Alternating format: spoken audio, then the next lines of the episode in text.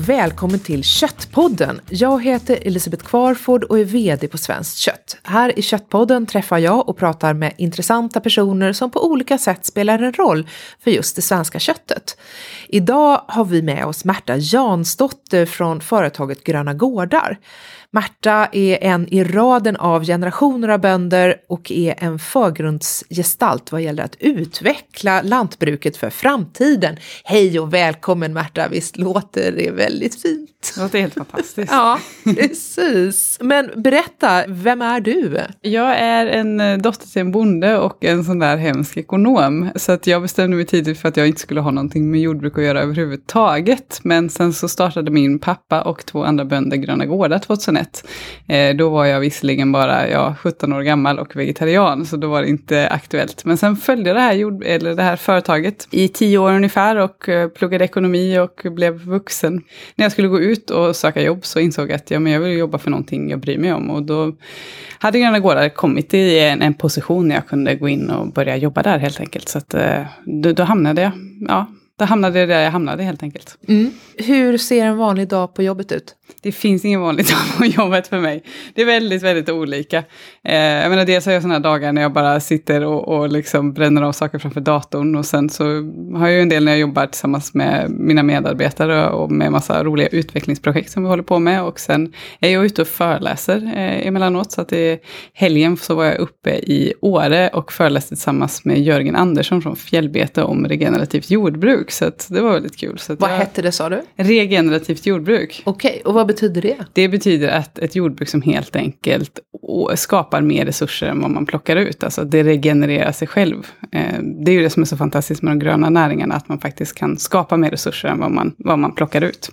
Det måste vi återkomma till. Men om du skulle beskriva det fina med svenskt kött, vad skulle du säga då? Det är väl först och främst beteskravet då, eftersom jag är en stort fan av eh, gräsuppfött kött, eftersom vi sysslar med bara gräsuppfött kött och att eh, djuren får beta. För att jag tycker att det är ingen idé att hålla på med nötkött om inte korna ska beta, för att det är ju det de är bra på. Och det tycker jag är väldigt fint med svenskt kött. Och sen att vi faktiskt har lagar och regler som gör att vi inte får hitta på de allra mest tokiga sakerna med djurproduktionen. Och det tycker jag är väldigt, väldigt viktigt. Och vad är din favoriträtt? För nu antar jag att du äter kött. Det gör jag. Det är en jättebra fråga. Jag har ju snöat in ganska mycket på får det senaste, för det tycker jag är grymt gott. Att göra en gryta eller något liknande med får är ju, äh, äh, äh, det är väldigt, väldigt gott. Det är synd att vi inte äter så mycket får i Sverige, men det tänkte vi råda bot på faktiskt. Gud vad bra. Det tycker, för jag tycker också att det är jättesynd att vi inte äter mer får i Sverige. Och att det har liksom fått den här stämpeln av att det skulle smaka kofta och inte vara gott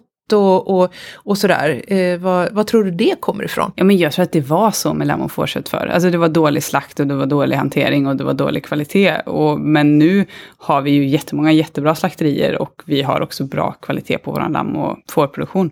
Det är nog bara gamla fördomar och sen är det väl klart att det ses väl som lågstatuskött på något sätt. För att det har varit liksom, jag vet inte, det känns som att det är en sån fattigmansgrej att äta får. Men det är precis som nöt och kalvkött liksom. Lammköttet på ett sätt och fårköttet på ett sätt. Men det har ju liksom ingen det här det smakar ju jättegott, men mm. det smakar ju får, fast det är en positiv smak. Ja, jag tycker det är gott till exempel med indisk mat. Det står ju lamm, i, alltså på maträtten står det så här lamm. Och jag bara så här, men det, det, kan ju inte vara lamm liksom, för det måste ju, vara, måste ju vara får, för att det här är ju långkok. Och lamm passar ju inte alltid riktigt för långkok. Det gör ju får mycket, mycket bättre. Jag tror ju att de flesta äter får när de äter på restaurang, när man inte äter liksom ändå kanske lammfilé eller lammytterfilé. Ja, precis. Det var ju sån nyhet i våras faktiskt ja. om att en hel del eh, fårkött styckas och säljs som lammkött. Inte då svenskt, utan just importerat. Att det händer något på vägen och föryngras, verkar det som. Ja men det tror jag, och ja, men det kan jag erkänna att vi började ju sälja lammfärs då, vi styckade får och så sålde vi det som lammfärs. För det blev så här, men det, fårfärs fanns ju inte ens som ett ord i vokabuläret. Och sen så hade vi gjort det en gång och sen så var jag så här, nej det här är ju liksom, det här är ju lurendrejeri. Så, så här, vi får döpa det till fårfärs. Och så tänkte jag, nu är det ingen som kommer köpa det här, men jag skrev någon pedagogisk och fin text om att det, det här kan man äta och det, vi har sålt jättemycket. Mm. Vilket är skitkul att det, det bör nog sätta sig i folks medvetande hoppas jag, i alla fall våra kunder. Att det är För gott. det blir ju lite kick i den, eh, i det köttet. Alltså mycket smak.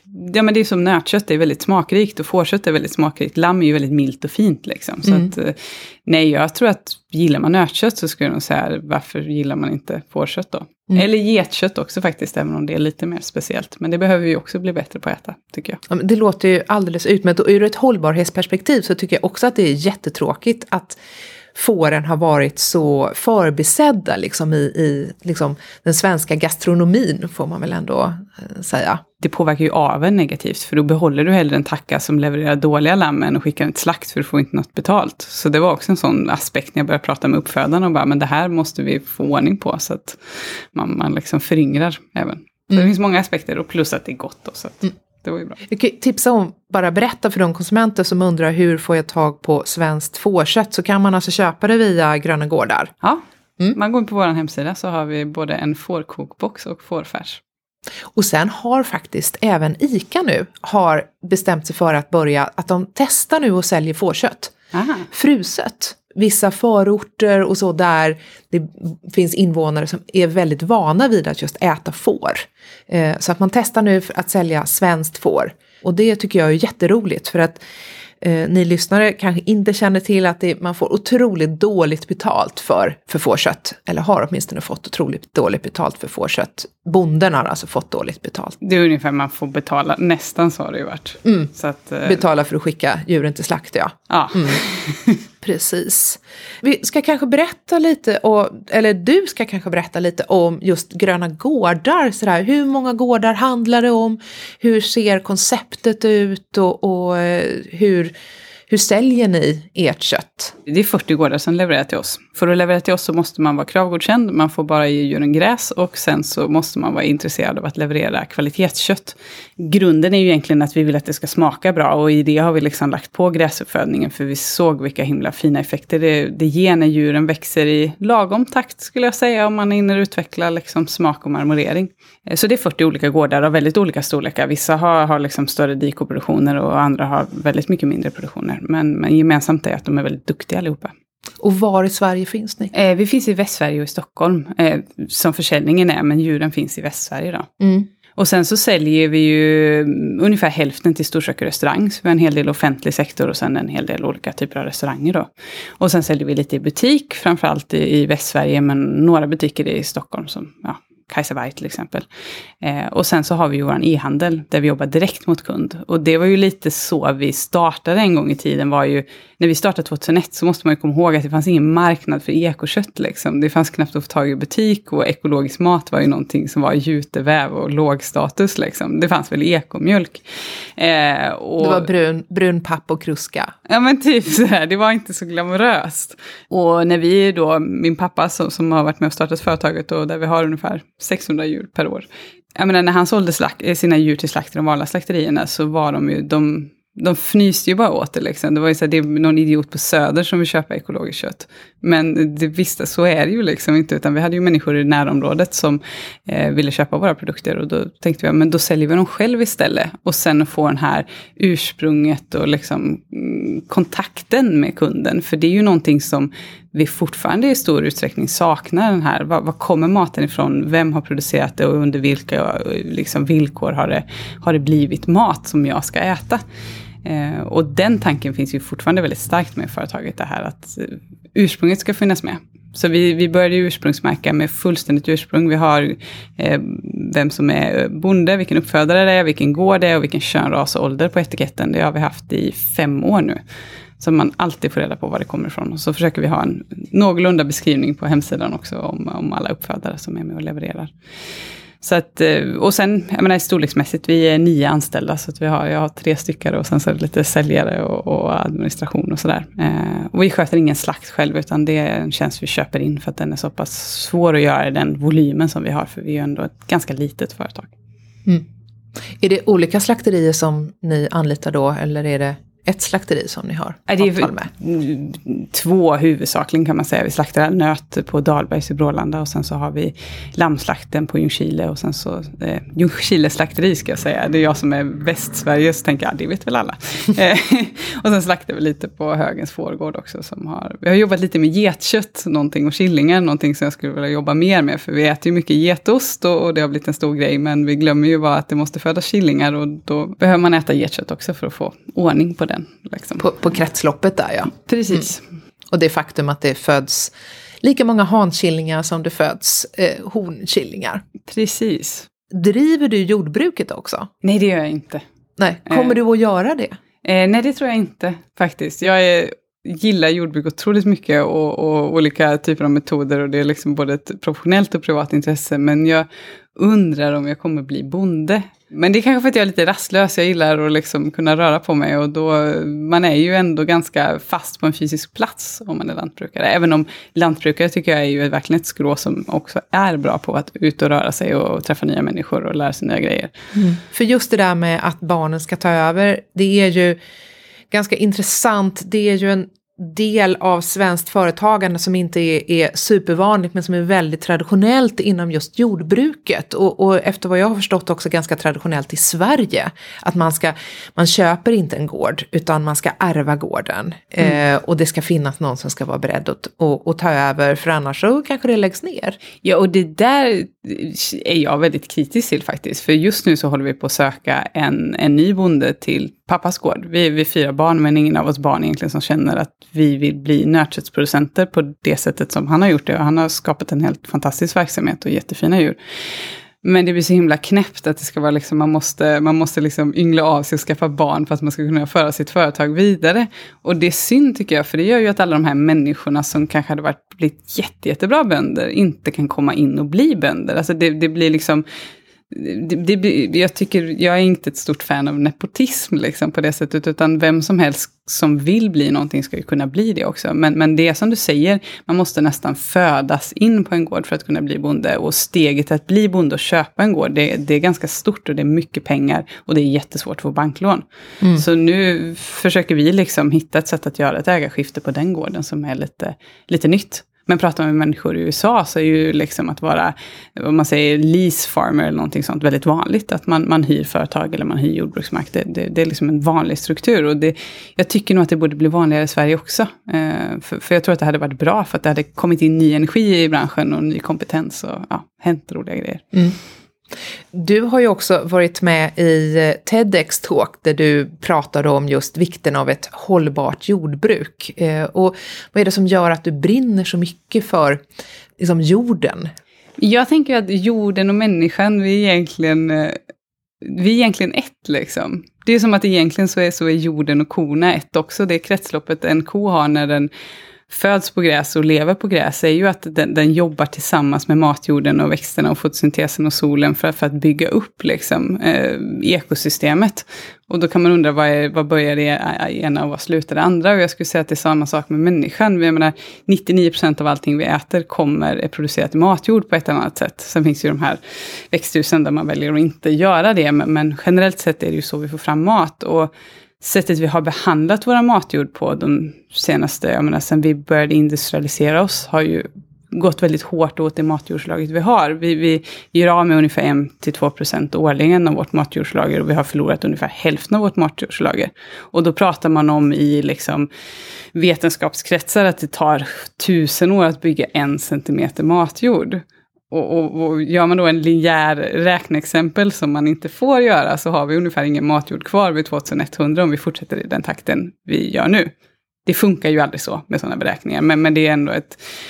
Om man tänker runt det. Och då tänker jag att är det någonstans vi kan påverka den utvecklingen så är det ju med hjälp av vårt jordbruk. För det är ju vårt jordbruk i väldigt stor utsträckning som har tagit oss till att vi, förbrukar matjord. Och det är vårt jordbruk som, och det är där jag kom in på regenerativt jordbruk då. Det är ju liksom idén med regenerativt jordbruk, det är ju att skapa ny matjord samtidigt som man producerar bra livsmedel. Och sen så tror jag att det finns en väldigt stark koppling mellan en frisk jord med mycket mikroliv och en frisk människa som har ett mikroliv och en, en kropp i balans.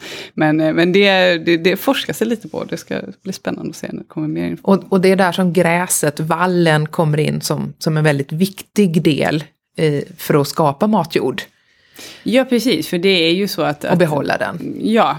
Jag menar, dels är det gräset, men sen är det ju också att gräset måste stimuleras och det är där kon kommer in. Så det, det, det jag tycker att det här kretsloppet mellan, mellan solen och jorden och korna och gräset, det, det, det, det, är fantastiskt tycker jag. Och väldigt underskattat. Och samtidigt så är ju, det är ju många som säger vi ska inte ha kor, vi ska inte ha, det är för mycket koldioxidutsläpp från, eller metanutsläpp då från korna och det är alldeles för stor eh, klimatbelastning med, med korna så att det vore, vore lika bra om vi inte hade några kor i Sverige. Va, vad säger du till dem? Ja, men då har man ju inte förstått hur den liksom grundläggande, liksom hur ekosystemet funkar. Eh, det var ju en jättespännande eh, artikel som Ann-Helen Meyer von Bremen och Gunnar Rundgren skrev i somras om det här att det fanns några som hade då visat att eh, nötköttsproduktion, betesbaserad nötköttsproduktion kunde vara ett nollsummespel när det kommer till kolinlagring, alltså vad som släpps ut i metanavgång och vad som faktiskt lagras in. Och sen fick de massa kritik för det såklart. Men jag tror att deras poäng och det jag utläste av debatten var att när det kommer till kor och, och, och utsläpp så vet vi faktiskt inte. Vi vet att de här mer industriella sättet att hålla kor på, där man odlar ettåriga grödor och föder upp djur, att det, det, det är väldigt, ett väldigt avklippt system och det finns inte så mycket nytta i det systemet. Det finns inte biologisk mångfald och man binder inget kol i jorden. Men när man har en gräsuppfödd produktion, då stämmer inte längre det, för att kon är en del av ett kretslopp. Och det är väldigt, väldigt svårt att mäta vad det här kretsloppet är och hur mycket kol en ko faktiskt binder. Och problemet är ju att det finns liksom ingen, det finns ingen tabell, eh, utan det är väldigt olika från gård till gård och vilken typ av skötselmetoder man har och sånt där. Men, så jag tycker ändå var det ganska skönt att komma fram till så här, men även de största kritikerna, de vet ju faktiskt inte vilken påverkan som kor har. För att det är så himla beroende av vilken typ av metod. Och sen så, om man lägger utsläppen åt sidan så behöver ju korna för den biologiska mångfalden, för gödseln till den ekologiska växtodlingen och för liksom kretsloppstänket. Så att även om de nu skulle släppa ut metan så tror jag att man kanske måste acceptera vissa utsläpp för att vi behöver dem på så många olika andra sätt. Och sen måste vi ju komma ihåg att ta mjölken från dem också, för att det är ett effektivt sätt att nyttja kon på, eller fåret eller geten. Mm. Jag kan ju tipsa lyssnare om att det faktiskt finns ett poddavsnitt med Ann-Helén Meyer från ja. Bremen som ju är en mycket påläst jordbruksjournalist. Hur smakar riktigt gott kött enligt dig? Det är ju en bra fråga. Jag är ju en sån här person som gillar när köttet ska vara en en smak som fyller munnen liksom. Men jag är inte ett jättestort fan av de här superhängda i liksom väldigt liksom skarpt. Kadaver, lever, smak. Nej, så. det blir liksom för mycket för mig. Utan jag vill att det ska vara liksom en, det ska fylla munnen, det ska vara en tydlig liksom mustighet, men det ska också vara den här smörigheten och lättheten som jag upplever finns i nötköttet. Det är nästan som om man tittar på färgen på köttet så är det ju ganska intensivt rött, men det finns någon lätthet i den där rödheten också. Jag vet inte hur jag ska förklara det, men det är ju någon typ av liksom smörig krämighet men ändå en, en, liksom en stark bas. Och så ska kött smaka när det är gott. Och det tycker jag när man har hängt det i sju till tio dagar ungefär och det, man har fött upp dem på ett bra foder, då, då får man ett sånt kött. Och sen är det vilken detalj man väljer också. Det pratar man inte så mycket om, men det är ju extremt stor skillnad på hur ett innanlår eller en flankstek smakar, eller en ryggbiff eller en högrev smakar i bara liksom själva... Eller en njurtapp. Eller en njurtapp, precis, vilket också är en helt fantastisk detalj. Eller oxsvans och kind som är två av mina favoriter på, på kon då. Så det, det, det, är ju en helt smakresa bara på ett djur liksom. Och sen har du den här variationen vad det är för ras och hur de är uppfödda. Jag menar, vi kör gräsuppfödda djur som ändå är uppfödda på något liknande sätt, men det är en jättestor skillnad i smak ändå. Det tycker jag är så fascinerande med, med nötkött, att det kan smaka så olika mm. faktiskt, beroende på. Är du med och styckar ibland? Eh, nej, det är jag inte. Det hade gått för långsamt. nej, men jag tycker att det, det jag ändå, jag jobbade extra, eh, när var det? Det var typ precis när jag hade gått ut gymnasiet med att packa kött åt Gröna Gårdar. Då hade vi en dag i veckan, vi hade liksom packning bara, så då, då jobbade man 12 timmar i liksom en sån eh, kylt rum och gjorde det där. Och det var jättebra, för då lärde jag mig hur alla detaljer ser ut och, och vad som är skillnaden på dem och allt sånt där. Så det, det har jag verkligen haft supernytta av.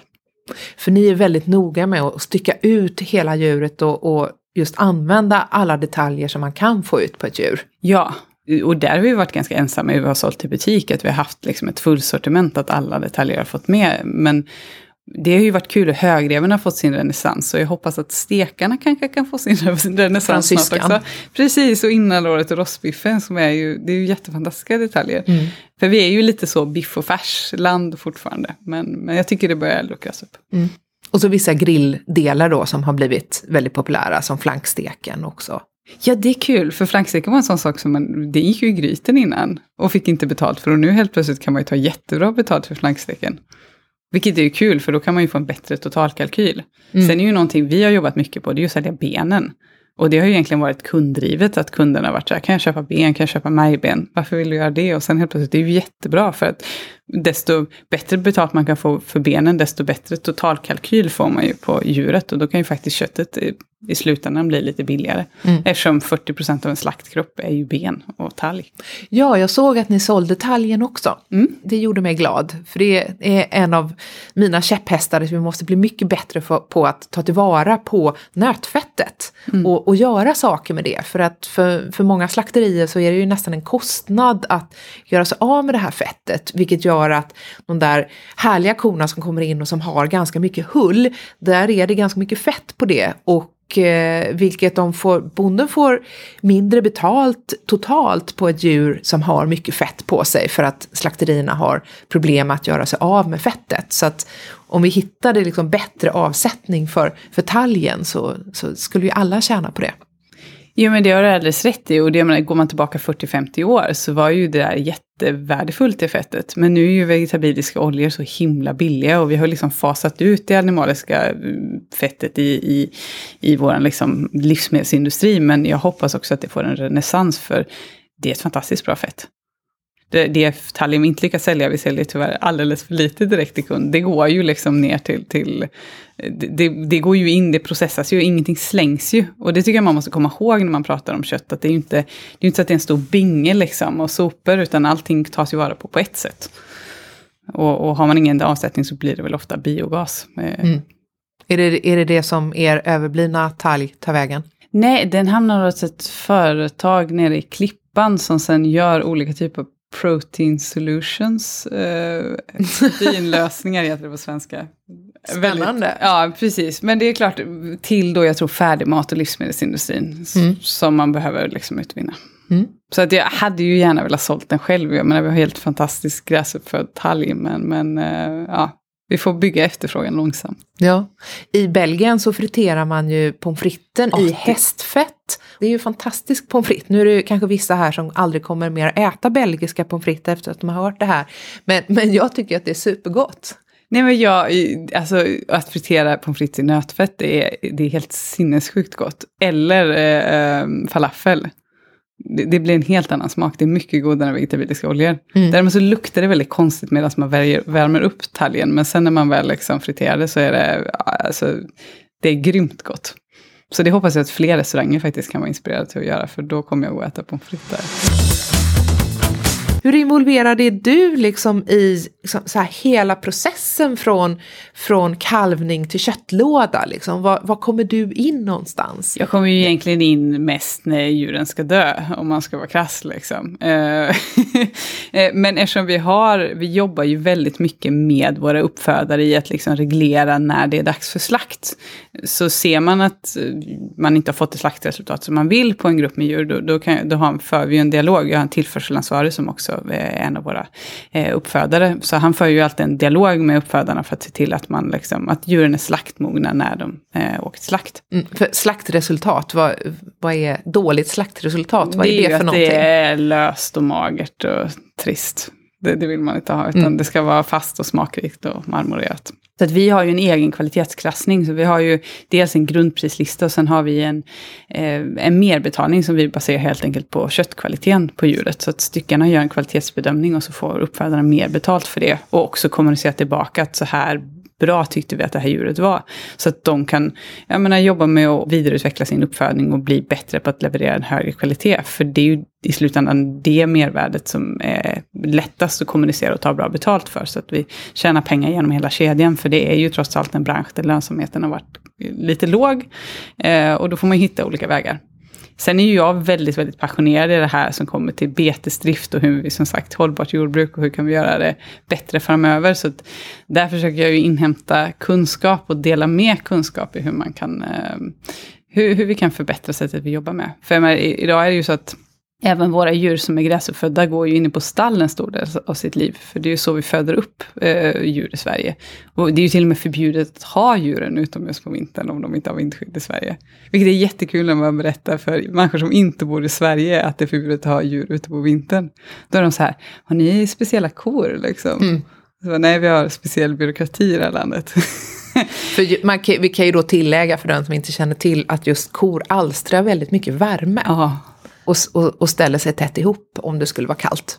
Ja, jag skulle nog säga att man skulle ha krav på djurflockens storlek istället för vindskydd. Och sen är det klart att det är riktigt, riktigt dåligt väder så behöver man ju ha någon typ av stall eller vindskydd. Men många dagar i Sverige, speciellt i södra delarna som, som jag bor i, så är det ju de flesta dagarna på vintern är ju väldigt trevliga att vara ko. Det är någonting som man skulle vilja se en ändring på. Och sen att vi har djuren ute betydligt längre, för att det, det går åt väldigt mycket fossila bränslen att ha dem inne på stall och att ha dem ute är en annan sak. Men, men det krävs en helt annan kunskap eh, och ett helt annat management management om man ska lyckas med det. Så att det, det jobbar jag tillsammans med lite olika människor att försöka lära mig mer om och sprida kunskapen vidare och lära av varandra. Men om man tittar på eh, Gröna Gårdar för 15 år sedan och Gröna Gårdar idag, hur är liksom responsen på er affärsidé och, och försäljning och så nu om du jämför med för 15 år sedan? Ja, för 15 år sedan var vi ju, eh, vad var det, Bohuslän, kött från Bohuslän av yppersta kvalitet tror jag. Men vi var väldigt, väldigt lokala. Om vi sålde köttlådor liksom och hade några egengjorda etiketter. Vårt mål nu är ju att växa väldigt mycket eh, digitalt för att just kunna nå våra, att ha en så stor del av vår kundbas som möjligt som vi har en direktkontakt med. För att jag tycker det är så himla viktigt att det är en, en, en kort väg mellan den som ska äta maten och den som har, som har producerat den. Sen behövs det ju ett litet mellanled för man behöver ordna saker och ting med slakt och styckning och packning och sånt där. Så, så det är väl den största liksom, skillnaden i hur vi försöker använda liksom, ja, men digitaliseringen egentligen för att kunna göra, för att göra det vi ville göra för 15 år sedan också, att ha en direktkontakt. Eh, och sen har vi väl blivit proffsigare skulle jag säga och lärt oss en himla massa saker om, om kött och om, om djuruppfödning. Men det känns fortfarande som att vi bara har börjat och vi har allt ska göras. Men det här att sälja köttlådor i Stockholm, hur funkar det? Hur, alltså, man kan ju inte begära att en stockholmare ska åka 50 mil för att hämta sin köttlåda. Hur, hur löser ni den?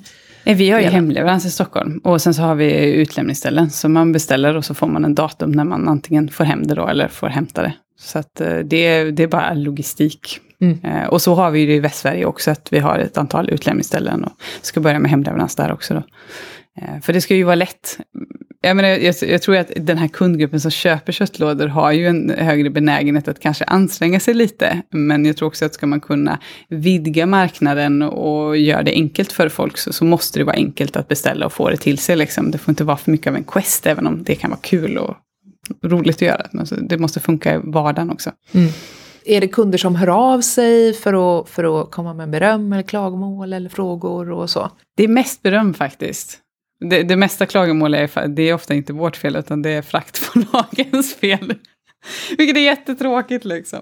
Sen är det klart att när man jobbar med kött så är man ju liksom aldrig bättre än sitt senaste slaktade djur. Alltså för det kan alltid gå fel. Eh, och, och, det är alltid lite nervöst liksom, när man skickar ut det till en kund. Att man gör allt för att det ska vara skitbra och sen så kan det i slutändan ändå eh, bli tokigt. Liksom. Mm.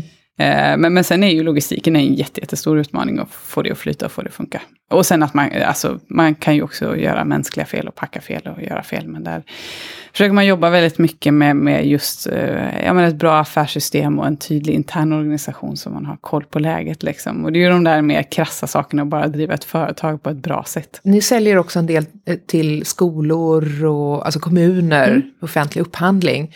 hur funkar det? Alltså det har ju varit en helt fantastisk resa faktiskt. Det har vi gjort i över tio år. Och mycket på grund av de här ekomålen tror jag som regeringen har ställt, att det ska vara 20% eko till 2020. Så det har ju varit en väldigt kraft hos offentlig sektor att de vill börja handla bättre. Och sen är det klart att det har funnits väldigt många hinder på vägen. Men vi har ju lyckats vinna en del upphandlingar och, och, och kunna få leverera. Och det har ju gjort jättemycket för att vi har kunnat utöka vårt sortiment i restaurang också. För att då, då köper storköken gryten och färsen och sen så eh, kan man sälja de ädla delarna någon annanstans. Sen har vi en jättestor utmaning nu med hela hamburgertrenden som är skitkul och jättebra, men då vill ju de också ha färsen. Så kvar står jag med några stekar och en hög med gryt. men, så mer, mer, mer stekar och grytor till folket? Exakt, exakt. Eh, men jag vet att ni hade lite problem för några år sedan när, när Göteborgs stad skulle göra en, en upphandling och man skulle ha jättemycket ekologiskt. Mm. Men man gjorde man snävade inte av tillräckligt när man gick ut och, och begärde in anbud. Mm. Eh, vad, vad, var det som hände där? Nej, men de ställde ju krav att man skulle kunna leverera ekologisk kyckling, gris och nöt. Och det är ju det extremt få som kan Ett i Sverige. Ett företag skulle leverera allt det alltså? Precis, mm. svenskt helst. Nu eh, hade det nog varit lättare liksom. Men, men då för fyra år sedan, det, det fanns, jag kunde inte ens komma på något företag som kunde det. Utan ofta så jobbar man med antingen gris eller nöt eller kyckling då jag tycker det är så fint när det finns den här politiska viljan, men ibland har ju inte marknaden och verkligheten hunnit kapp. Liksom. Att när man, man måste börja någonstans. Och det har vi ju, nu har vi jättetur i Västra Götalandsregionen för att de har massa projekt för att förbättra offentlig upphandling och de har jättemånga duktiga personer som jobbar med det här och utvecklar det. Så att de har varit väldigt lyhörda och lyssnat på oss producenter i vad vi kan och inte kan leverera och på det sättet kunnat anpassa anbud så att det har funkat. Då. Så att, eh, jag tycker det har varit en eh, det har varit en väldigt, väldigt rolig resa och, och, jag kan nog känna att vi har fått väldigt mycket hjälp från andra personer som har velat oss väldigt väl. Så det är väldigt, väldigt roligt och jag är väldigt tacksam för. Vad kul att höra. Men om du skulle ge ett råd till exempel till någon köttbonde som tänker så här, men jag skulle vilja leverera till, till min kommun eller så. vad, vad ska man tänka på? Det man ska tänka på, det är ju att börja och inleda en dialog med upphandlaren helt enkelt. Och Se vad man kan göra, om det finns ett intresse, om det funkar rent praktiskt. För det finns helt klara utmaningar med att jobba med till exempel nötkött för att du har anatomin och de kanske bara vill köpa färs och grytkött till exempel. Och då har du kvar de andra delarna och vad gör du av dem? Och sen att man ska kunna leverera över hela året också, för det har de ju också som krav, eller under terminen när de har öppet.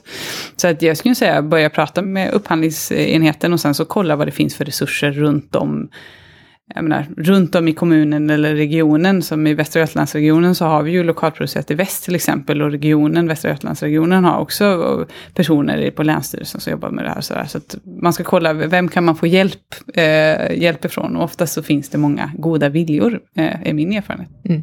Och så tålamod behöver man nog också. Ja, man behöver ju tänka att det är två, tre år kanske innan det kommer bli något. Mm. så det, det, är en stor portion. En egen krog eller en fysisk butik, är det någonting som, som lockar nu när du inte vill bli bonde? Då är det nog kanske inte jag som ska driva den, eh, tänker jag. Men det hade varit helt fantastiskt att ha någon typ av mer showroom eller eh, något sånt. Det hade varit jätteroligt. Jag vill ju träffa de människorna som liksom äter våra grejer och så att man kan vidareutveckla företaget. För vi har ju utvecklats jättemycket tack vare att vi har haft den här direktkontakten med kunder. Att vi säljer talg, att vi säljer ben, att vi säljer alla organ till exempel. Det är ju tack vare att vi har haft kunder som har efterfrågat det. Vi säljer ju mycket hund och kattmat också. Det hade ju aldrig gått om vi inte hade haft kunder som är väldigt nyfikna och pålästa och frågvisa. Så det är väldigt kul. Om du skulle ge svenska köttätande konsumenter tre goda råd, vad skulle det vara? Eh, kor ska äta gräs, det är väl det viktigaste, och får. Eh, och, och getter, men de äter ju lite annat än gräs också. Det tycker jag är det viktigaste, för då har vi en helt annan resurshushållning när det kommer till köttet. Nummer två tycker jag är att äta kött. Det känns som att det har blivit någon typ av konsensus nu att det bästa som finns är att bli vegetarian, men jag sitter med i styrelsen för ekologiska lantbrukarna och just nu är det många eh, ekologiska, eller icke-ekologiska lantbrukare som vill bli ekologiska lantbrukare. Och då ringer de in och så vill de ha rådgivning och då, då är ju ofta en av de första frågorna, har du djur eller har din granne djur eller känner du någon som har djur? För att det är väldigt mycket enklare att få ordning på växtodlingen om man har djurgödsel. Och för att få djurgödsel så krävs det ett djur. Eh, och ska man hålla med djur så, så så måste man äta kött för att annars får man aldrig någon ekonomi att hålla djur. Så att vill man stimulera ekologisk växtodling så skulle jag säga att då ska man se till att stimulera ekologisk djurhållning. De, de två går hand i hand, så att det är väl nummer två då, ät kött. Och nummer tre tycker jag är ät hela djuret. De mest näringsrika delarna på djuret, det är ju inte biffen och entrecôten, det är ju levern och, och liksom njurarna och, och, och hela liksom, ja, men organen. Koka buljong. Blodpuddingen. Precis, blodpudding. Det är ju alltså, det, är det godaste jag vet. Det är kanske min favoritstyckdetalj, blod, men ingen... det är ingen styckdetalj. Så att jag äter hela djuret för då, dels är det väldigt roligt, man får en, en, en, en resa framför sig och, och jag tror det, jag menar, jag lärde mig att laga kött genom att jag fick hem en sån här 20 kilos låda som vi levererade först och så var det så här, ja vad är en nötrulle? Ja ja, men det finns ju internet och det finns ju kokböcker och sen så lär man sig att laga det. Ehm, så vågar jag experimentera och ha kul med det helt enkelt. För att det, är det ett bra kött så eh, är det svårt att misslyckas. Sen får man väl lägga till att känn din bonde då, som nummer fyra, att se till att köttet du äter har en ursprung. Och egentligen så handlar det ju inte bara om köttet tycker jag, utan om allt man äter, att det ska försöka ta reda på det, var det kommer ifrån. Om du vill ge Sveriges köttbönder något att tänka på, vad vill du skicka med då? Eh, jag skulle nog vilja skicka med i att uh, lära er mer om att utveckla betespotential i köttdjursproduktionen. För att det, jag ser enorma möjligheter med att vi skulle kunna ut, nyttja bete på ett helt annat sätt än vad vi gör idag. Idag är det en liten transportsträcka liksom. Man skickar ut djuren på bete så att man har tid att skörda vinterfoder. Men jag tycker det borde vara tvärtom. Eh, det är betet man borde verkligen fokusera på för att det, ja, det finns mycket kul där helt enkelt. Men väldigt mycket att lära.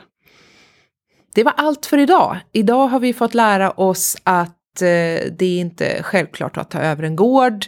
Eh, att hos Gröna Gårdar så kan man köpa hela djuret om man vill det och att Märta älskar blod. Eh, synpunkter och tips tar vi gärna emot på exempelvis Twitter under Svenskt Kött eller på Facebook där vi heter likadant. Tyckte du om Köttpodden? Gå gärna in och skriv ett betyg eller en recension på iTunes eller där du hittade oss. Vi hörs snart igen.